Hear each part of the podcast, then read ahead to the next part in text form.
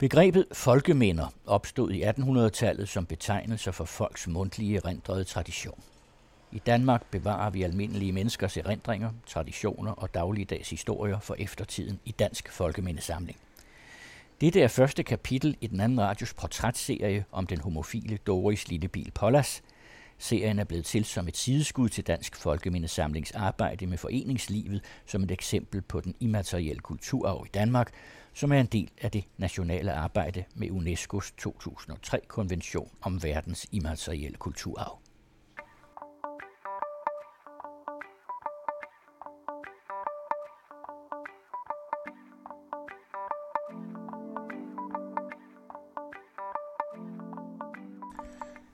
Jeg hedder Ole.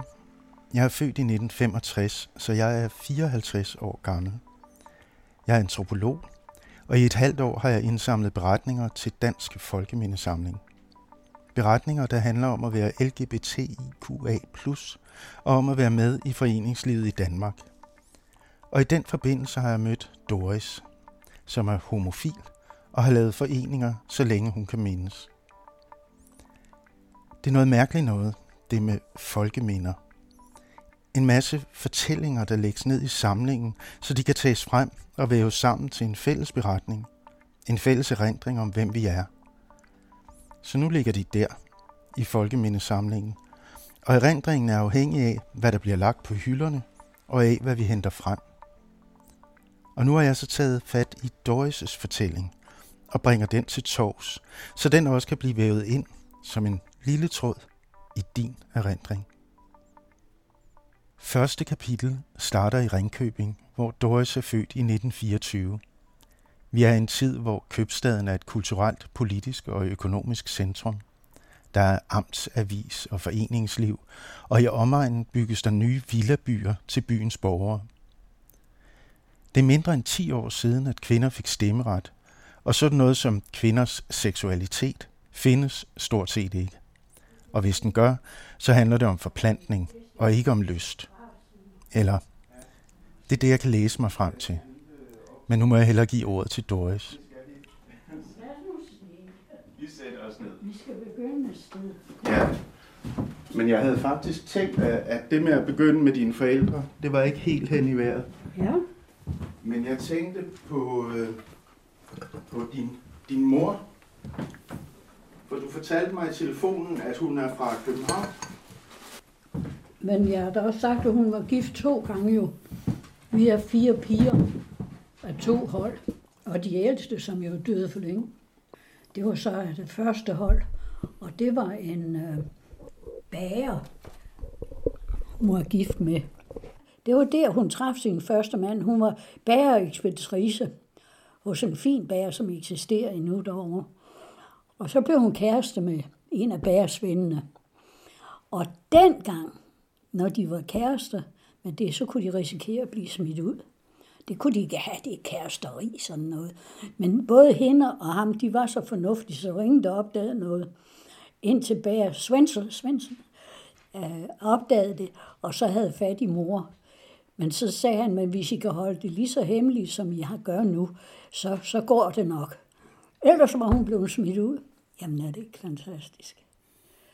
Ja, han var Svend, dengang hun lærte ham at kende. Bager Svend. Og så var han jo bager. Men han døde under den spanske syge. Og så giftede hun sig med far. Og jeg er slet ikke sikker på, at det var så lykkeligt, som, som man troede. Det ægteskab der, det tror jeg ikke, det var. For far, han var sgu en underlig en øh, rettere sagt. Og mor havde så i mellemtiden startet et vaskeri op. Og det fortalte hun mig mange gange om.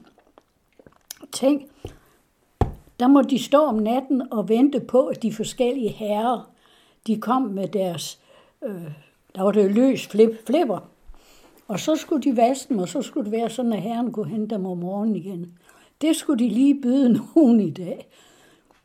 Og han var en meget fornem her, og det kan jeg godt sige dig. Så hun lå sig jo overtaler ham til at sælge sin forretning.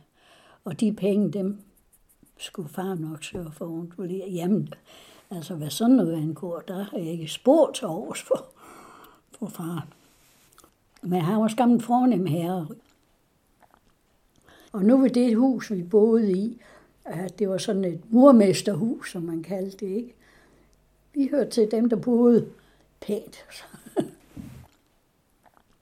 Øh, jeg øh, øh, var drengepige altid, modsat min søster. Det er nemlig det, jeg har Og det kom så af, at over gården, hvor vi boede, der var et lille landeri.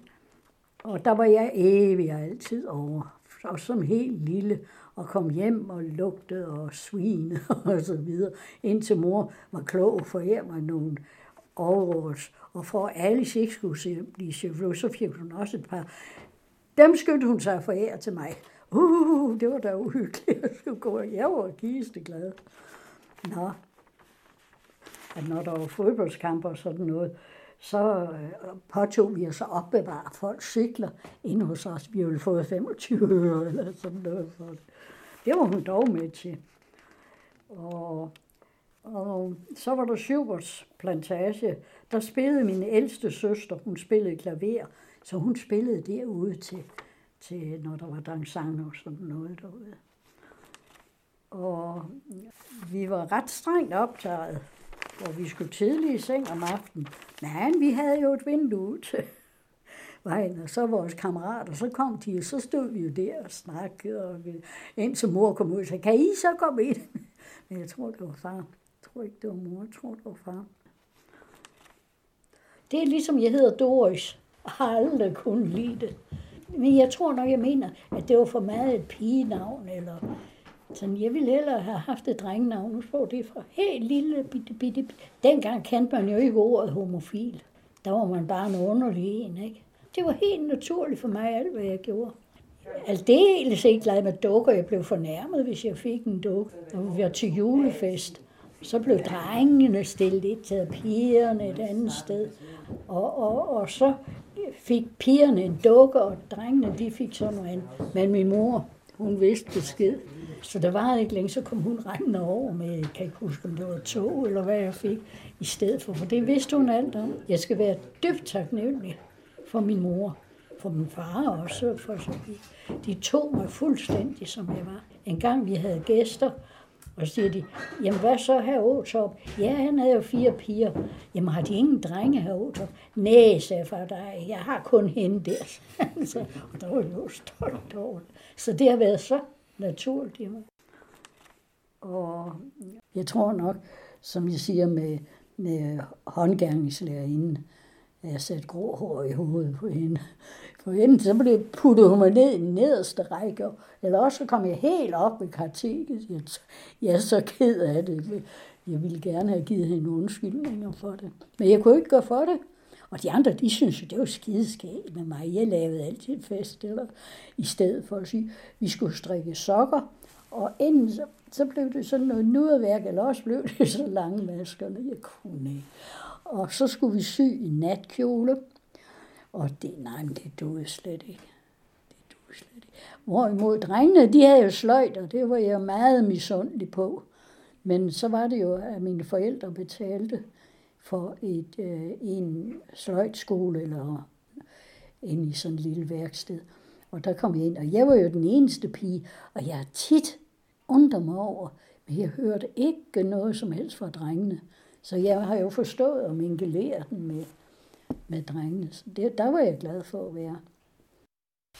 Nej, det var det, jeg siger. Jeg var vist en værre en. Men ikke desto mindre fik jeg en meget fin anbefaling. For jeg holdt det op før tiden.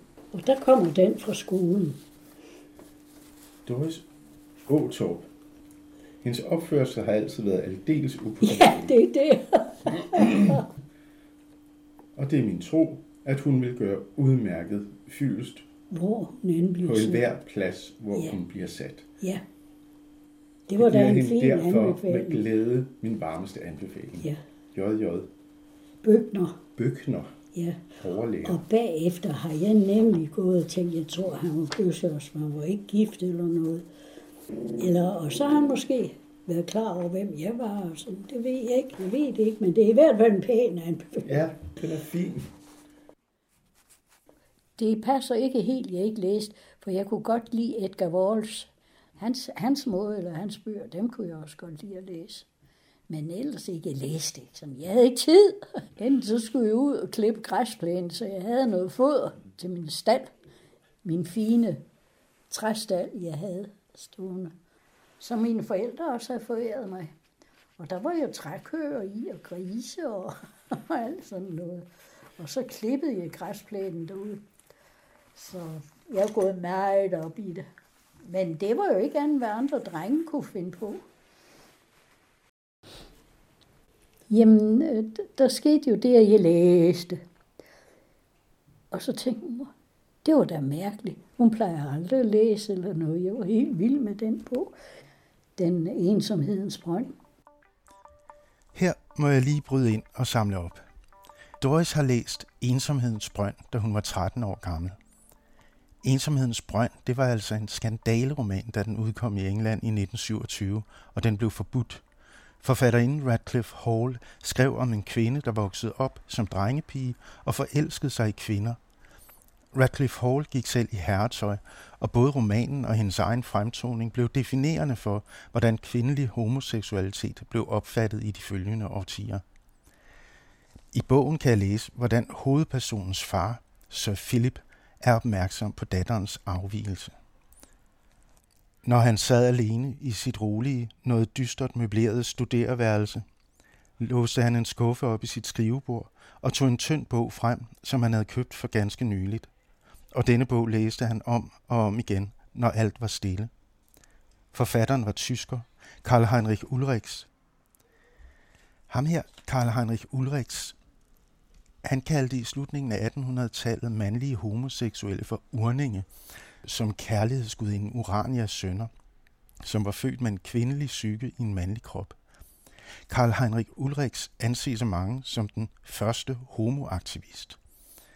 Omkring århundredeskiftet, der skrev psykiateren Richard von Kraft-Ebing også om inverser, altså mennesker, der er født med en omvendt kønnet psyke i forhold til kroppen, og hans idéer ligger også direkte bag den fremstilling af kvindelig homoseksualitet og den kvindelige hovedperson Stevens kærlighedsliv, som jeg kan læse om i Ensomhedens Brønd.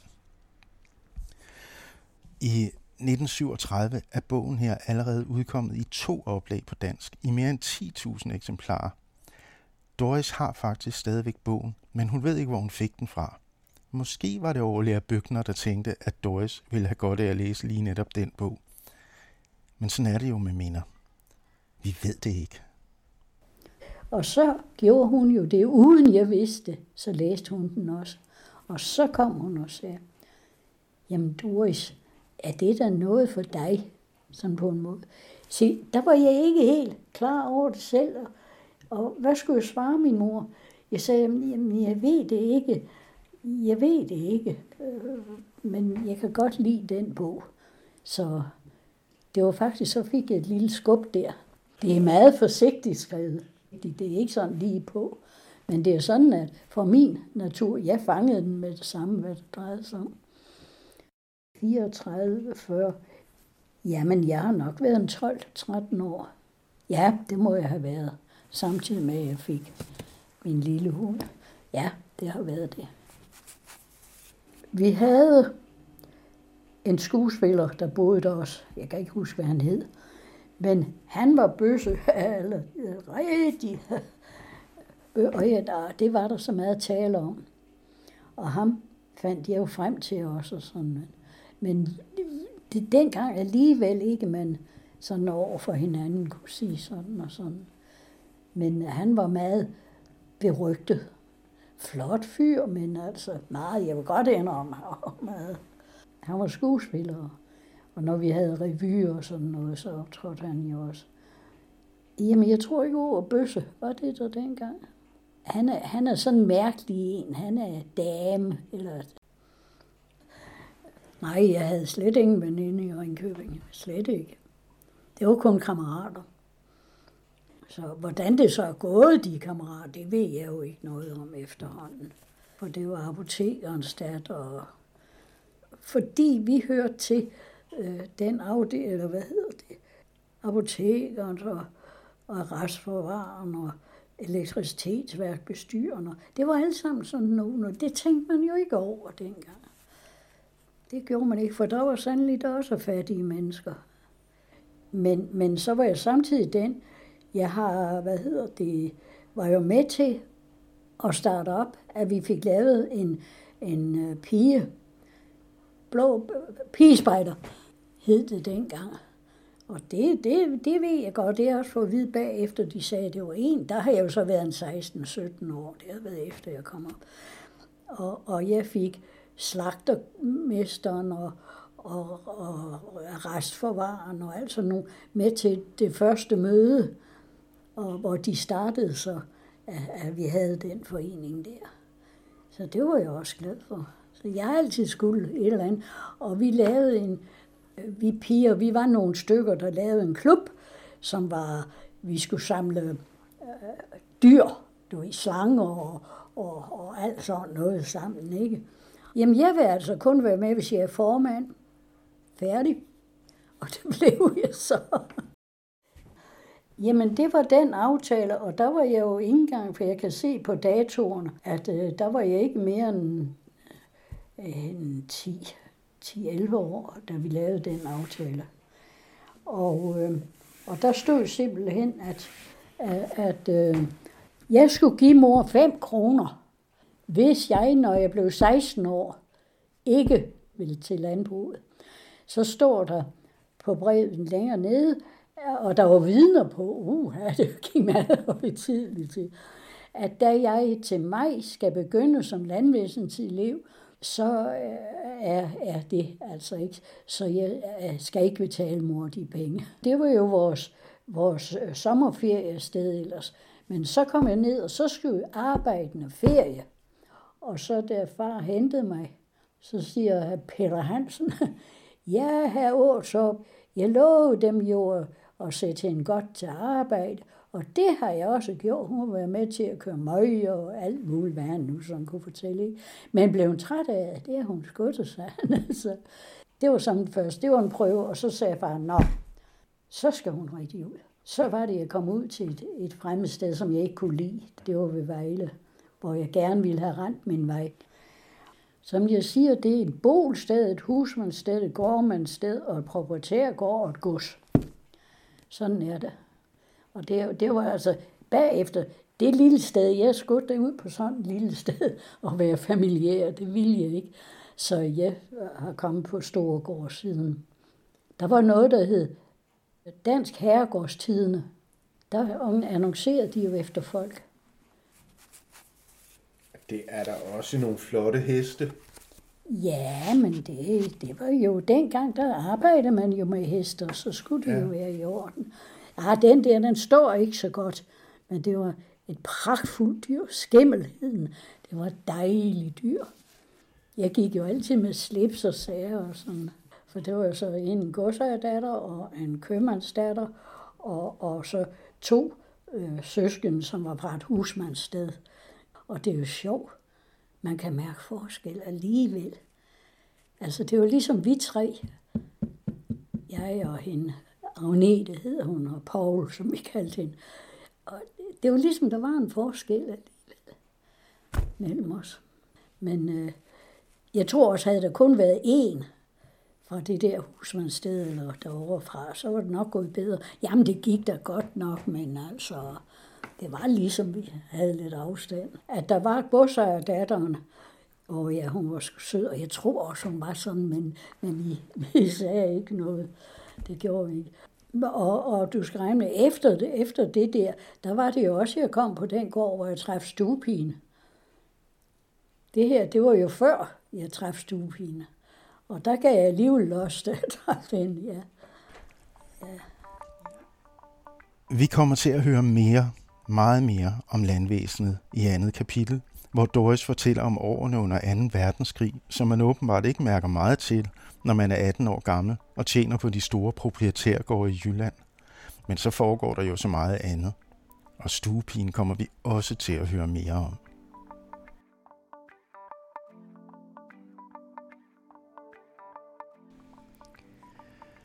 Udsendelsen var tilrettelagt af Ole Møller Markusen og er en del af serien Et homofilt liv.